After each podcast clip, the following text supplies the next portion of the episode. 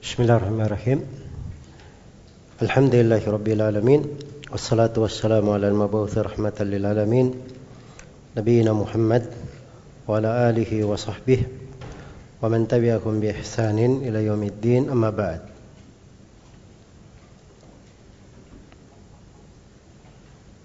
Baik, ini sesi yang ke enam dari kajian kita membahas kitab At-Tadkirah bi Ulumil Hadith karya Ibnu Al-Mulakkin rahimahullahu taala.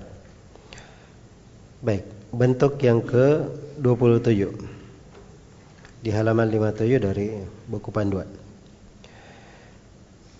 Hadith musahhaf Kata penulis wal musahhafu wataratan yaqa'u fil matni wataratan fil isnadi wa.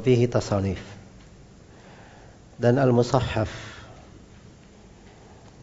Ya, beliau tidak sebutkan definisi tapi beliau terangkan bahwa tashif terjadi kadang di matan dan kadang di sanad dan ada tasanif di dalamnya, ada beberapa karya tulis yang menulis tentang ini. Mungkin tidak didefinisikan oleh penulis karena tashif itu sudah dimaklumi.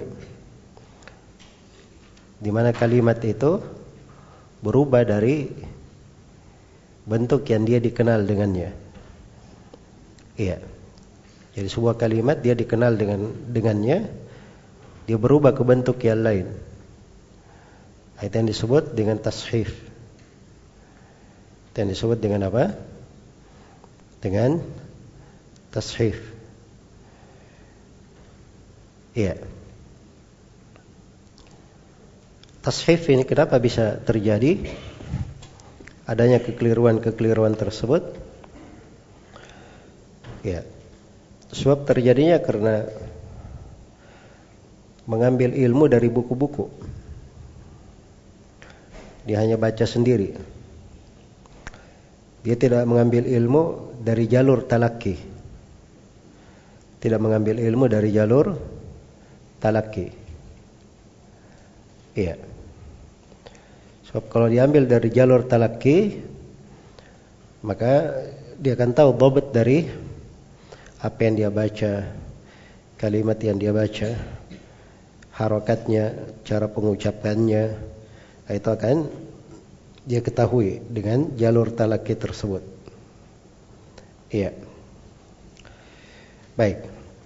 Karena itulah pembahasan tashif ini ini mengingatkan kita tentang pentingnya talaki ilmu dari jalur as-sama, dia dengar langsung dari guru. Dan ini dari kekhususan umat Islam di dalam belajar. Nah itu Nabi Shallallahu Alaihi Wasallam itu mengajarkan langsung ilmu kepada para sahabat dan para sahabat langsung mengambil dari dari Nabi.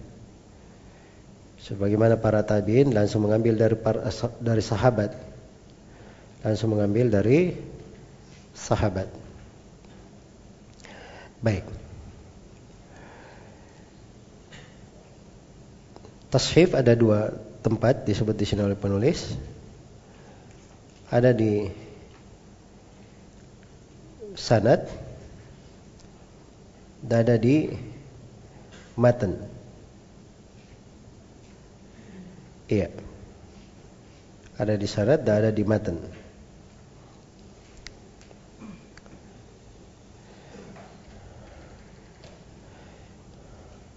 Contoh misalnya seorang rawi ya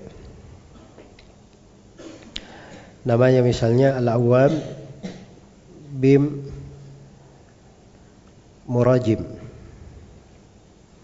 bin Murajim ya nah, datang sebagian ulama dia baca Al-Awwam bin Muzahim dia bacanya kalau tulisan sama mim ya tulisannya mirip ya, cuman beda di titiknya saja. Beda di titiknya. Nah, karena perbedaan di titik ini akhirnya bisa terjadi perbedaan di dalam apa? membacanya. Itulah yang disebut dengan tashif. Iya.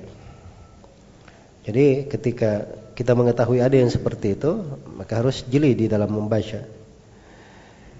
Kadang sebagian rawi itu kita ketemukan di sebuah buku, kita cari biografinya di mana-mana tidak ketemu dengan nama itu. Ternyata ada tashif. Misalnya Hussein, dia tertulisnya Hasan, padahal namanya Hussein. Kurang ya-nya. Jelas ya?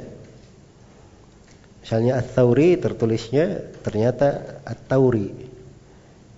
Ya. Jelas?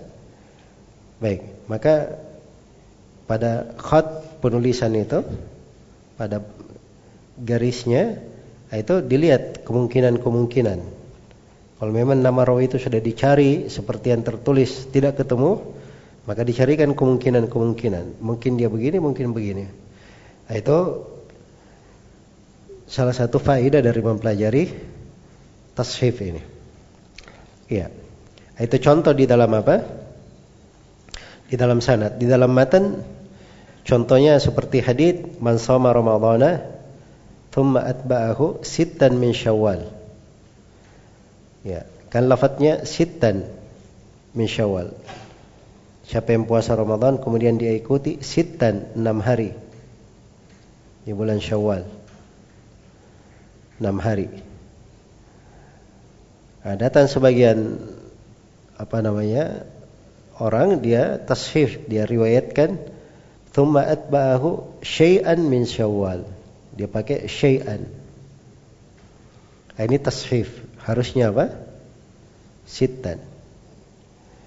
Iya baik jadi ini contoh-contoh tashif ya. Dan tashif itu dari sisi lain juga terbagi dua. Ada tashif secara lafaz dan ada tashif secara apa? Secara makna. Secara lafaz seperti contoh yang kita sebutkan tadi, lafadznya dia rubah. Ada yang secara makna, maknanya benar. Apa lafadznya sudah benar, tapi maknanya yang dia palingkan. Maknanya yang dia palingkan seperti disebutkan di dalam hadis anna Nabi sallallahu alaihi wasallam shalla ila anaza. Sungguhnya Nabi itu salat kepada anaza. Iya. Anasa ini artinya tongkat yang di ujungnya ada runcing. Ujungnya ada runcing. Maka sebagian apa namanya uh, orang Disebutkan dari Abu Musa al-Anazi, dia berkata, kami ini nahnu qaumun lana syarafun. Kami ini satu kaum yang punya kehormatan. Nahnu min Anaza. Kami dari kabilah Anaza. Ilaina Rasulullah sallallahu alaihi wasallam. Rasulullah salat menghadap kepada kami. Ya, padahal di situ Anaza bukan kabilah tapi apa? Tongkat. Ya, maksudnya beliau salat menghadap ke sutra. Kan begitu fikihnya. Ini dianggap dirinya Nabi sholat ke mana? Ke kobilahnya. Oh, berarti ini kami kobilah punya apa? Punya kemuliaan. Baik. Nah, ini tashif secara mana? Sama dengan ucapan para ulama di pembahasan akidah bahwa al-mizan lahu kiffatani walisan. Mizan itu timbangan punya dua kiffah dua anak timbangan dan punya lisan. Punya lisan. Nah, datang sebagian orang dia katakan punya lisan bahwa mizan ini, timbangan ini bisa berbicara. Karena dia punya apa? Punya lisan. Nah, ini tashif maknawi. Sebab lisan di situ bukan artinya lisan berbicara, tapi lisan di situ artinya tiang penyangga. Kalau ada neraca begini ada tiang di tengah, itu lisan dalam bahasa Arab. Lisanul mizan namanya. Tiang penyangga. Jelas ya? Itu mentashif dari sisi makna. Tashif dari sisi makna. Baik. Tashif itu kadang ada yang terjadi karena dia salah salah lihat. Salah lihat tulisan. Dia sangka begini, ternyata yang tertulis lain. Atau dia salah dengar. Atau dia salah dengar. Iya. Dan ini semuanya sebab-sebab yang menjatuhkan di dalam tasfif. Tapi intinya kebanyakannya itu karena seorang itu tidak talaki ilmu langsung dari guru. Ya. Dan itu membahayakan ya. Disebutkan oleh Suyuti dan selainnya dari ajaib dalam tashif. Hah? ajaib di dalam apa? Tashif. Jadi katanya ada orang dia baca hadis Al-habbatus sauda shifa'un likulli da. Tahu habbat sauda? Hah? Jintan hitam. Habbat sauda itu obat untuk segala penyakit. Nah, itu begitu haditnya di Sahih Muslim. Orang ini dicetakan dia, dia baca titiknya itu dua. Jadi dia bacanya al-hayyatus sauda. Al-hayyatus sauda syifaul likulida. Berubah mananya, ular hitam adalah obat untuk apa? Segala penyakit. Akhirnya dia pergi tangkap ular hitam. Kalau dia makan ular hitam ya. Dan mati. Ya.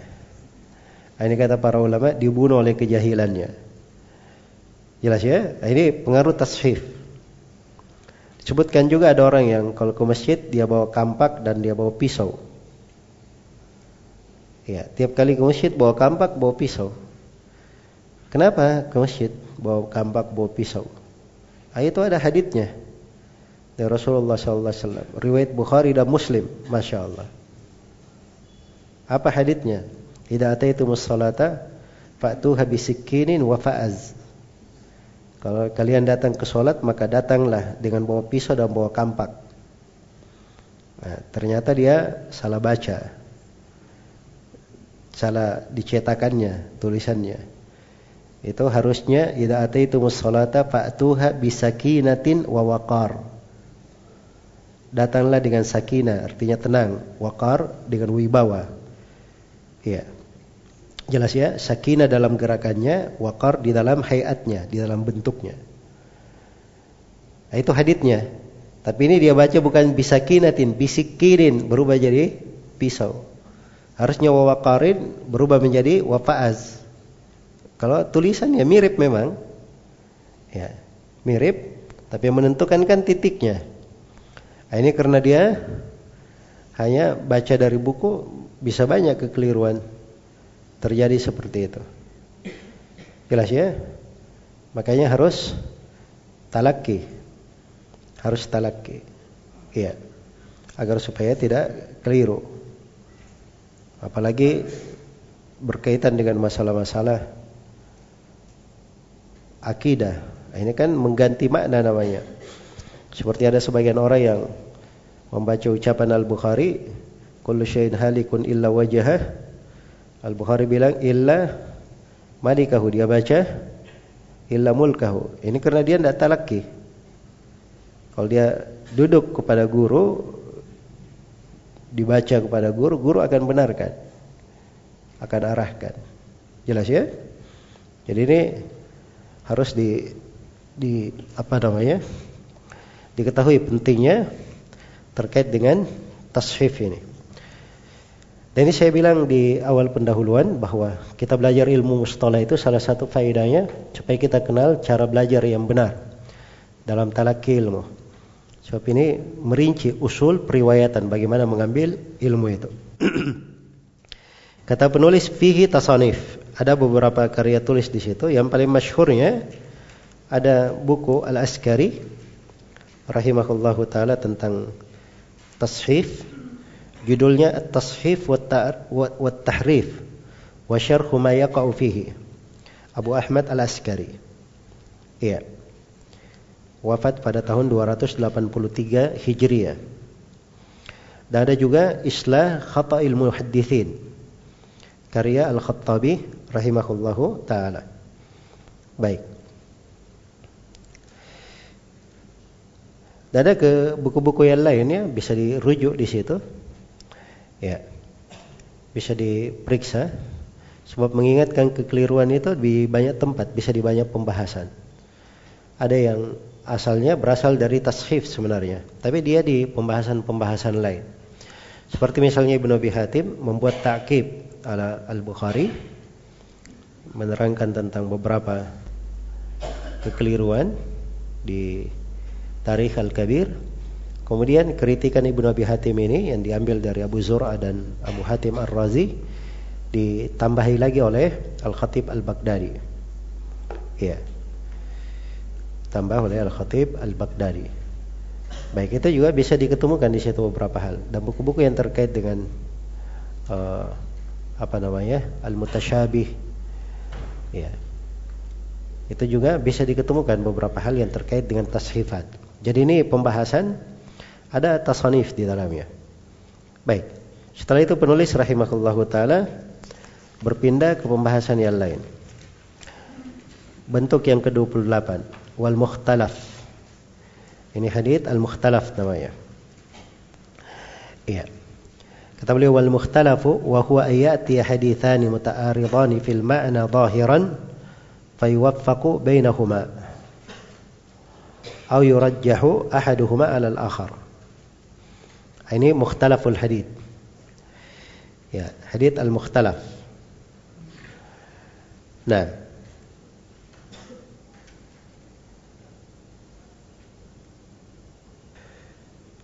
Baik. Jadi dikatakan di sini al-mukhtalaf itu adalah datang dua hadis muta'aridan yang bertentangan fil ma'na secara makna zahiran zahirnya fayuwaffaqu bainahuma lalu ditaufik antara keduanya Ditaufik antara keduanya artinya dijama. Dijama antara keduanya.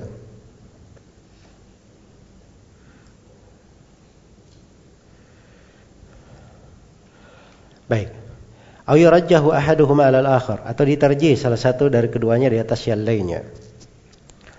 Ditarjih salah satu dari keduanya di atas yang lainnya. Iya. Jadi kalau ada dua hadis, zahirnya bertentangan. Nah, ini kata zahirnya ya. Sebab yang memandang bertentangan itu siapa? Nah, itu kan orang yang melihat. Orang yang melihat. Tapi seorang alim belum tentu dia menganggap itu bertentangan. Karena itu disebutkan oleh para ulama dari Abu Bakar bin Khuzaimah rahimahullah Ibnu Khuzaimah berkata, "Laisa thamma hadithani muta'aridan min kulli wajh."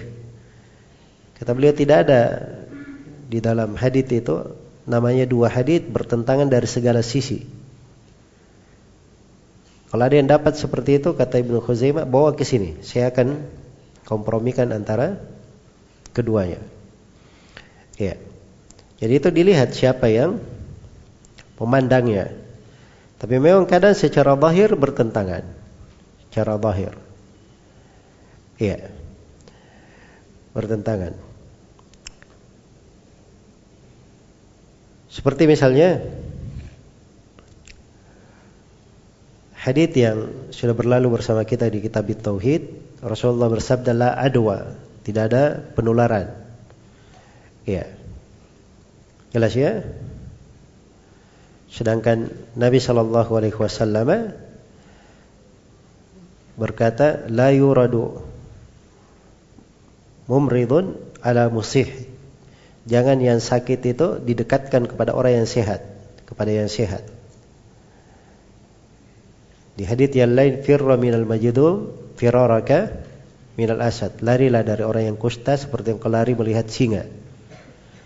Ini kan kalau hadith yang pertama la adwa tidak ada penularan.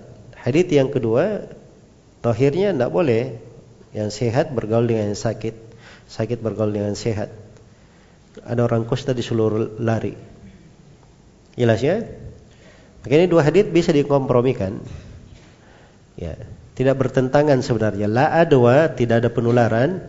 Ini menjelaskan tidak ada penularan dengan sendirinya penularan itu terjadi dengan takdir Allah Subhanahu wa taala. Jelas ya? Yang hadit-hadit lain yang mengatakan jangan dicampur yang sehat dengan sakit atau lari dari orang kusta, itu perintah di situ apa namanya?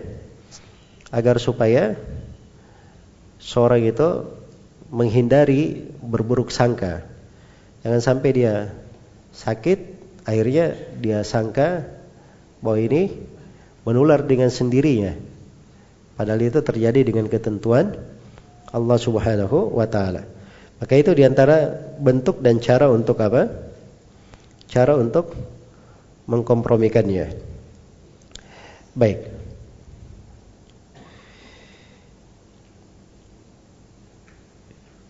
Baik, jadi ada hadith mukhtalaf bisa dikompromikan. Bisa dikompromikan. Kalau tidak bisa dikompromikan, apa yang dilakukan? Ya, ditarjih. Dilihat mana yang rajih. Ya. Atau sebelum mentarjih, dilihat dulu yang kalau ada yang nasih, ada yang mansuh, maka diambil yang nasih, ditinggalkan yang apa? Yang mansuh. Kalau tidak bisa, baru ditarjih. Nah, bagaimana cara mentarjihnya? Ini cara mentarjih ini yang ditulis oleh para ulama. Berbagai tulisan. Ali Raqi di pembahasan ini, di At-Taqid wal Idah, beliau menyebutkan lebih dari 100 cara mentarjih. Lebih dari 100 sudut tarjih. Iya. Baik. Jadi ini yang disebut dengan mukhtalaful hadith. Ada tulisan Imam Syafi'i di sini, judulnya Ikhtilaful Hadith. Beliau sebutkan beberapa bentuk dan bisa diketemukan juga di Kitabul Um dan yang di antara yang terkenal adalah kitab Abu Muhammad ibn Qutaibah Ta'wil Mukhtalifil Hadith. Iya. Dan juga di antara hadith atau di antara apa namanya yang masyhur kitab Imam At-Tahawi Mushkil Athar, syarah Mushkil Athar. Ya. Di situ beliau kompromikan hadit-hadit yang dianggap bertentangan. Iya, dianggap bertentangan. Baik, jadi itu beberapa karya tulis di pembahasan ini. Jadi secara umum mukhtalaful hadit itu ini pembahasan kalau terjadi dua hadit yang bertentangan. Nah, Bagaimana kalau terjadi dua hadits yang bertentangan? Kesimpulannya tadi, yang pertama dikompromikan dulu. Kalau tidak bisa dikompromikan, maka dilihat mana yang nasih dan mana yang apa? Mansuh. Didahulukan yang nasih, ditinggalkan yang mansuh. Kalau tidak diketahui, maka ditarjih. Maka ditarjih. Kalau tidak bisa ditarjih, bagaimana? Ya tawakuf. Tapi ini kalau Ya, itu seperti yang saya katakan tadi, tidak mungkin ya, tidak bisa dikompromikan. Semuanya itu pasti bisa dikompromikan atau bisa ditarjih. Baik. Berikutnya bentuk yang ke-29. Hadits musalsal. Kata beliau wal musalsalu wa huwa ma tataba'a rijalu isnadihi ala sifatin aw halatin wa qalla fihi sahih. Kata beliau musalsal adalah rawi-rawi sanatnya itu tataba. Ya, datang secara berentet berurut seperti itu di atas suatu sifat, di atas satu sifat atau di atas satu keadaan. Iya, di atas satu keadaan. Baik. Itu yang disebut musalsal. Jadi kadang dia terkait dengan sifat. Misalnya saya diceritakan oleh guruku dan dia tersenyum. Guruku berkata menceritakan kepada saya si fulan dan waktu itu dia tersenyum. Terus si fulan lagi gurunya berkata bahwa menceritakan kepada saya si fulan dan dia waktu itu tersenyum. Ini musalsal namanya semuanya sampai ke atas tersenyum. Ini musalsal bit tabassum namanya. Jelas ya? Iya. Ada namanya musalsal bil mahabba. Ketika Nabi SAW berkata kepada Mu'ad, Ya Mu'ad ini uhibbuk. Wahai Mu'ad, sungguhnya aku cinta kepadamu. Jangan kamu tinggalkan di belakang setiap solat. Kamu berucap, Allahumma ini ala dzikrika wa syukrika wa husni ibadik. Itu ada musalsal. Ya, dan kita masuk dalam riwayat dari sebagian guru, guru juga seperti itu. Ketika memberi ijazah, beliau berkata, "Ana uhibbukum." Saya cinta kepada kalian. Terus dia bawakan sanatnya musalsal juga dengan mahabbah semuanya kepada apa? Kepada guru. Dan ada musalsal bil, bil awaliyah. Awal yang dia dengar dari guru. Iya. Jadi si guru berkata, "Haddatsani fulan wa huwa awwalu haditsin sami'tuhu minhu." Menceritakan kepadaku si fulan dan itu adalah awal hadits yang sedengar darinya. Nah, gurunya juga berkata begitu, menceritakan kepadaku si fulan dan itu adalah awal hadits yang saya dengar darinya sampai kepada sabda Nabi sallallahu alaihi wasallam ar-rahimuna yarhamuhumur rahman yarhamu man fil ardi yarhamkum man fis sama. Iya. Baik. Itu musalsal bil awaliyah namanya.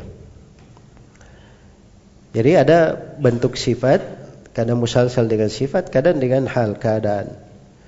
Seperti tadi saya beri contoh atau di beberapa contoh yang telah berlalu, ada musalsal orang Mesir semua di perawinya, ada musalsal rawinya orang Kufa semua.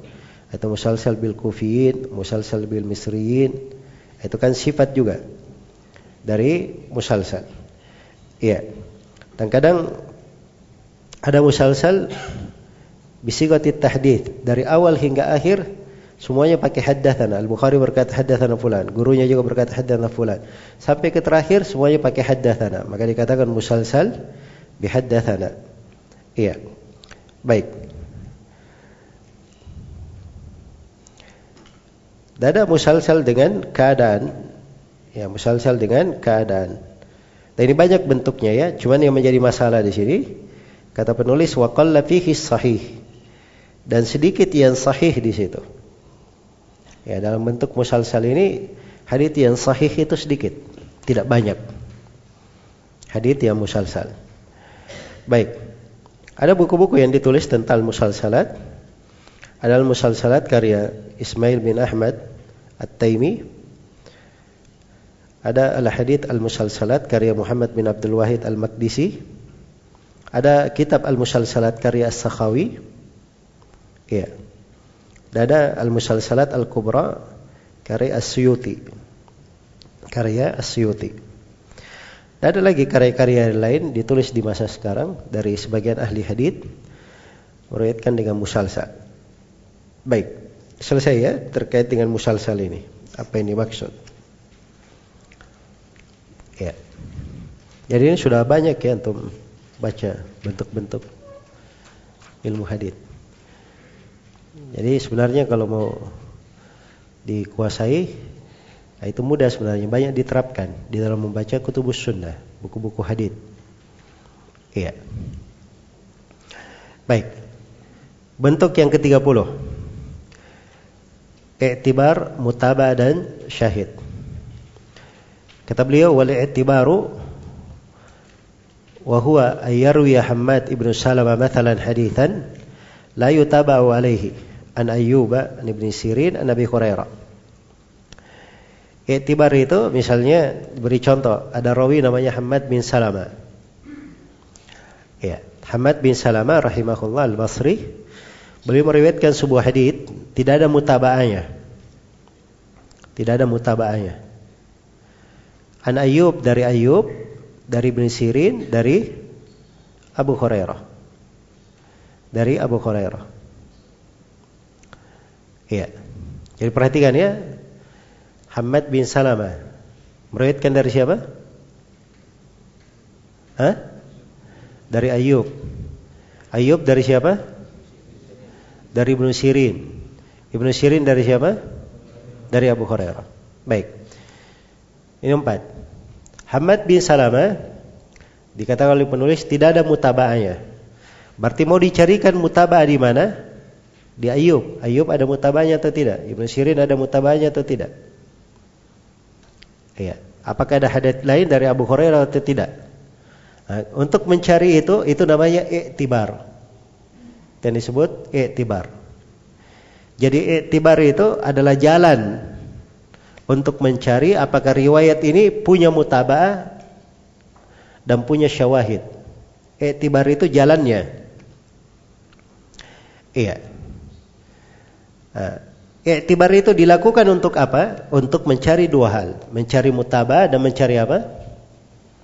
Mencari syahid. Nah, baik. Jadi kalau iktibar untuk dua hal, mencari mutaba dan mencari syahid, nah, sekarang harus didefinisikan apa itu mutaba? Hah? Dan apa itu syahid? Kan begitu? Nah, kata penulis, wal mutaba'atu ayyarwiyahu an ayyuba gairu hammadin. Iya.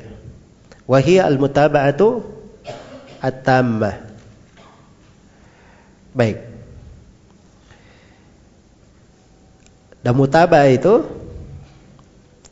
adalah diriwayatkan dari Ayub selain daripada Hamad.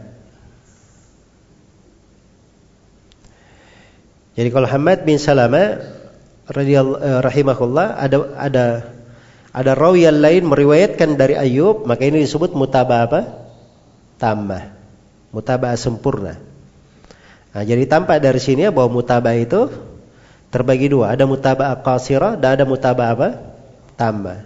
Jadi yang pertama itu mutaba qasirah yang pertama. Jadi kalau Hamad bin Salama tidak ada mutabaannya, dicarikan mutaba pada Ayub dan Ibnu Sirin, maka ini mutaba qasirah. Tapi kalau Hamad bin Salamah sendiri ada mutabaannya, maka ini disebut mutaba apa? Mutaba tambah. Dipahami ini? Hmm? Dipahami atau tidak? Baik. Jadi dilihat tadi ya, ada empat. Hamad bin Salamah, Ayub, Ibnu Sirin dan siapa? Abu Hurairah. Kalau Hamad bin Salamah ada mutabah, maka ini disebut mutabah tambah. Kalau mutabah tambah di gurunya Hamad seperti Ayub ada mutabahnya atau Ibnu Sirin di guru-gurunya lagi Ibnu Sirin di atas, maka ini disebut mutabah qasirah. Mutabah juga tapi pendek. Ya qasirah. Nah, ukuran mutabah kalau pendukungnya itu dari satu sahabat. Semuanya dari Abu Hurairah. Jelas ya? Semuanya dari Abu Hurairah. Tapi kalau misalnya hadits itu diriwayatkan dengan makna yang lain dari selain Abu Hurairah, itu disebut apa? Itu disebut syahid. Ini yang dikatakan oleh penulis wasyahidu ayyur wa hadithun akhar bima'nahu. Syahid itu diriwayatkan hadits lain. Hadits lain maksudnya dengan sahabat lain. Bima'nahu. Semakna dengannya. Boleh selafat dan boleh semakna. Jelas ya? Jadi kalau semakna saja diterima, apalagi kalau dia selafat. Iya. Jadi perbedaannya mudah. Ya, untuk tiga ini. Kita ada tiga istilah. I'tibar, mutabah dan apa? Syahid. I'tibar itu jalan meneliti. Ini hadith ada mutabah dan syahidnya atau tidak. Jadi jalannya disebut apa? I'tibar. Kalau mutabah itu pendukung pada hadis itu sendiri yang dicari. Pada jalur itu sendiri. Kalau syahid itu pendukung dari jalur yang lain. Dari jalur yang lain. Jadi kalau ada pendukungnya dari jalur itu sendiri, nah ini mutabah ada dua. Mutabah tadi ada berapa? Ada dua. Apa itu? Mutabah tamma dan mutabah qasirah. Kalau mutabahnya tamma pada rawi yang dicarikan dukungan seperti tadi Hamad bin Salamah dari Ayub, dari Ibnu Sirin dari Abu Hurairah. Mau dicarikan untuk Hamad, ada mutabaannya, berarti ini mutaba'ah tamah, kena langsung ke Hamad. Tapi kalau mutabaannya di Ayub atau di Ibnu ini disebut mutaba'ah apa? Mutaba'ah qasirah. Iya. Kalau datang hadis lain misalnya dari hadis Abu Musa al-Asy'ari atau hadis Ali bin Abi Thalib, maka itu disebut apa? Disebut syahid. Baik. Nah, ini istilah dipakai. Nah ini istilah akan banyak dipakai ketika seorang masuk di dalam ilmu takhrij. Karena ketika dia memeriksa sebuah sanad, dia periksa jalur-jalur periwayatannya maka akan tampak nanti berapa riwayat siapa saja meriwayatkannya, pendukungnya bagaimana. Kalau lafadz haditsnya datang dari sahabat yang lain maka akan kelihatan dari syawahidnya. Akan kelihatan dari syawahidnya. Baik. Selesai ini bentuk yang ke-30. Bentuk yang ke-31 tentang ziyadatul thiqah. Ya, tambahan thiqah.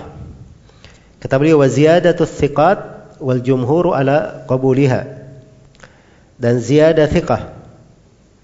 Ziyadah thiqah.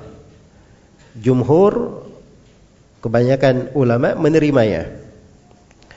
Ya. Kebanyakan ulama menerimanya. Ya tidak diragukan ya bahwa ziyadatu thiqah itu adalah hal yang penting di dalam ilmu hadis dan banyak terjadi tambahan-tambahan itu. Iya. Banyak terjadi tambahan-tambahan. Memang kalau disebut jumhur menerimanya, itu betul ya. Pada ziyadatul thiqah yang tidak bermasalah. Iya. Ziyadatul thiqah yang tidak bermasalah. Tapi yang benarnya di dalam ziyadatul thiqah itu tidak dimutlakkan, dikatakan diterima atau ditolak. Tapi ziyadatu thiqah yundar fiha bil qara'in. Dilihat sesuai dengan indikasi. Kalau indikasi menunjukkan bisa diterima, diterima.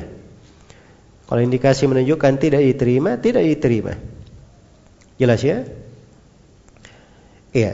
Jadi kalau ada bahasa-bahasa dari para ulama bahwa ziyadatu thiqah diterima, maka itu bukan pembahasan mutlak diterima. Seperti Al-Bukhari di sahihnya pernah beliau singgung sebagian riwayat dan beliau katakan wa ziyadatun minats thiqat dan tambahan dari thiqah diterima. Itu beliau sebut di sahihnya. Tapi ini di posisi menyebutkan sebuah riwayat yang memang diterima di situ. Tapi ada riwayat yang lain kadang didapatkan di Jami' di Tarikh Al-Kabir Al-Bukhari tidak menerima tambahan thiqah. Jelas ya? Kalau begitu tambahan dari thiqah itu Ya, tidak dimutlakkan dia diterima dan tidak dimutlakkan apa? Ditolak. Tapi dilihat sesuai dengan indikasi. Iya. Misalnya hadis Ummu Atiyah. Ya, kalau di Sahih Al-Bukhari kunna la na'uddu as-sufra wal qudrah.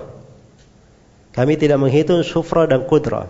Datang dalam tambahan Abu Daud syai'an sama sekali. Atau uh, kunna kalau di hadis uh, Bukhari kunna la na'uddu as-sufra wal qudra syai'an. Ya. Tapi kalau ditambahan Abu Daud ada kalimat ba'da tuhri setelah suci. Setelah suci. Ah, maka tambahan setelah suci ini ini ziyadah apa? Ziyadah thiqah diterima. Jelas ya? Diterima karena dari sisi riwayat tidak ada masalah. Ya, tapi ada tambahan dari thiqah itu tidak diterima oleh para ulama.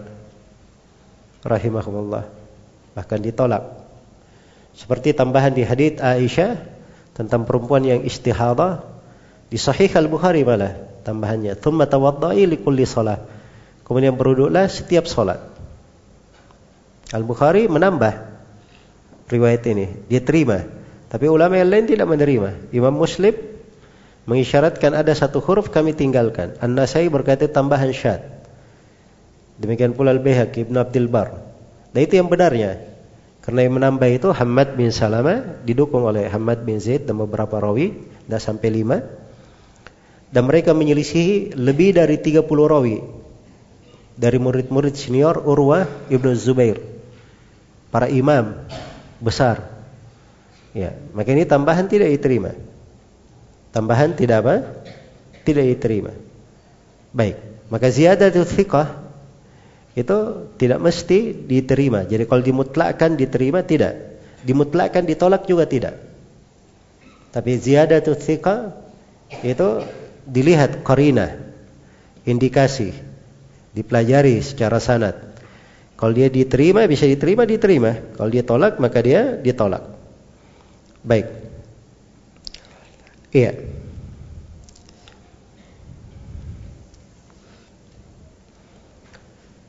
Baik selesai ya tentang ziyadah thiqah ini. Dan ini termasuk pembahasan-pembahasan rumit sebenarnya ini. Ziyadah thiqah. Ini salah satu kedetailan di ilmu hadis. Sama dengan bentuk yang 32 ini. Bentuk yang 32 tentang al-mazid bi muttasilil asanid. Al-mazid bi al-azanid, al-asanid. Tambahan di dalam bersambungnya sanad. Iya. Bagaimana itu tambahan dalam bersambungnya sanad? Ada sanad dohirnya bersambung sudah. Ada sanad zahirnya bersambung. Iya. Baik. Jadi sanadnya zahirnya bersambung. Kemudian datang di sanad di jalur riwayat yang lain ada tambahan di dalam sanad rawi-rawi. Ya. Itu namanya al-mazid bimuttasilil asanid. Kalau ada tambahan seperti ini masuk di dalam kismut dhaif. Dalam bagian hadith yang lemah. Tapi disyaratkan dua syarat. Ya. Disyaratkan dua syarat. Dihitung al-mazid bimuttasilil asanid itu dengan dua syarat. Syarat yang pertama rawi yang menambah rawi yang menambah itu lebih kuat daripada yang menambah. Rawi yang menambah lebih kuat daripada yang tidak menambah. Itu syarat yang pertama. Ya. Kemudian syarat yang kedua, pada tempat adanya tambahan harus dia tegaskan sigo as-sama. Dia tegaskan bahwa dia mendengar. Harus dia tegaskan bahwa dia apa? Dia mendengar. Baik.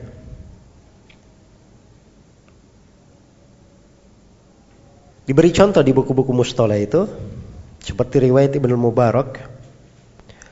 Beliau meriwayatkan dari Sufyan. Iya.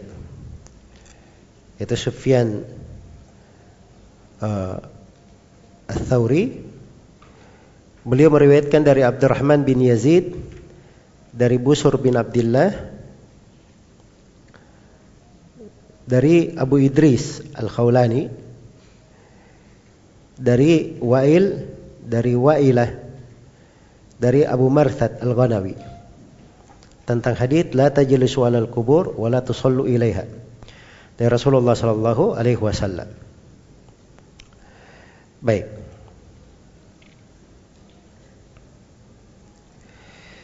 Jadi di sini ada dua tambahan ya di sanad ini.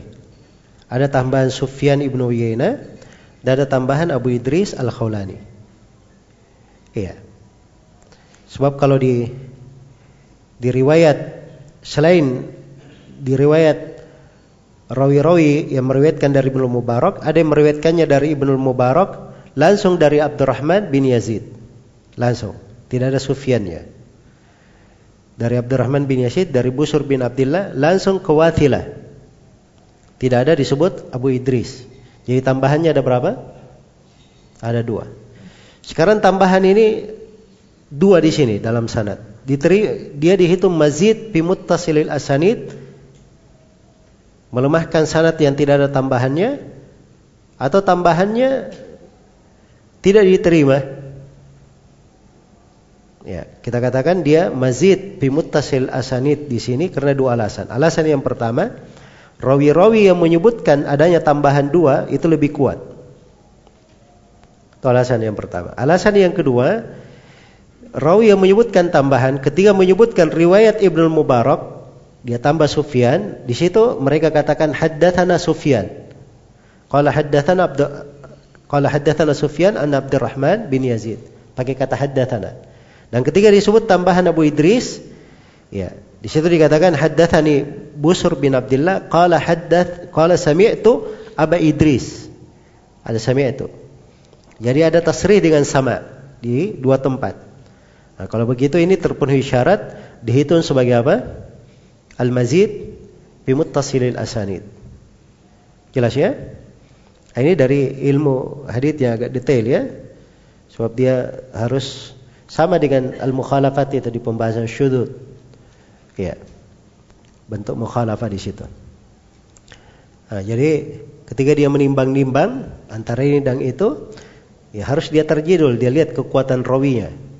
Nah, setelah itu disyaratkan harus ada lafat as-sama, mendengarkan. Kalau dia lafat mendengar, maka tidak dihitung sebagai al-mazid bi muttasilil asanid. Baik. Al-Khatib Al-Baghdadi itu menulis kitab di sini. Judulnya Tamyiz Al-Masjid, Tamyiz Al-Mazid bi Muttasilil Asanid.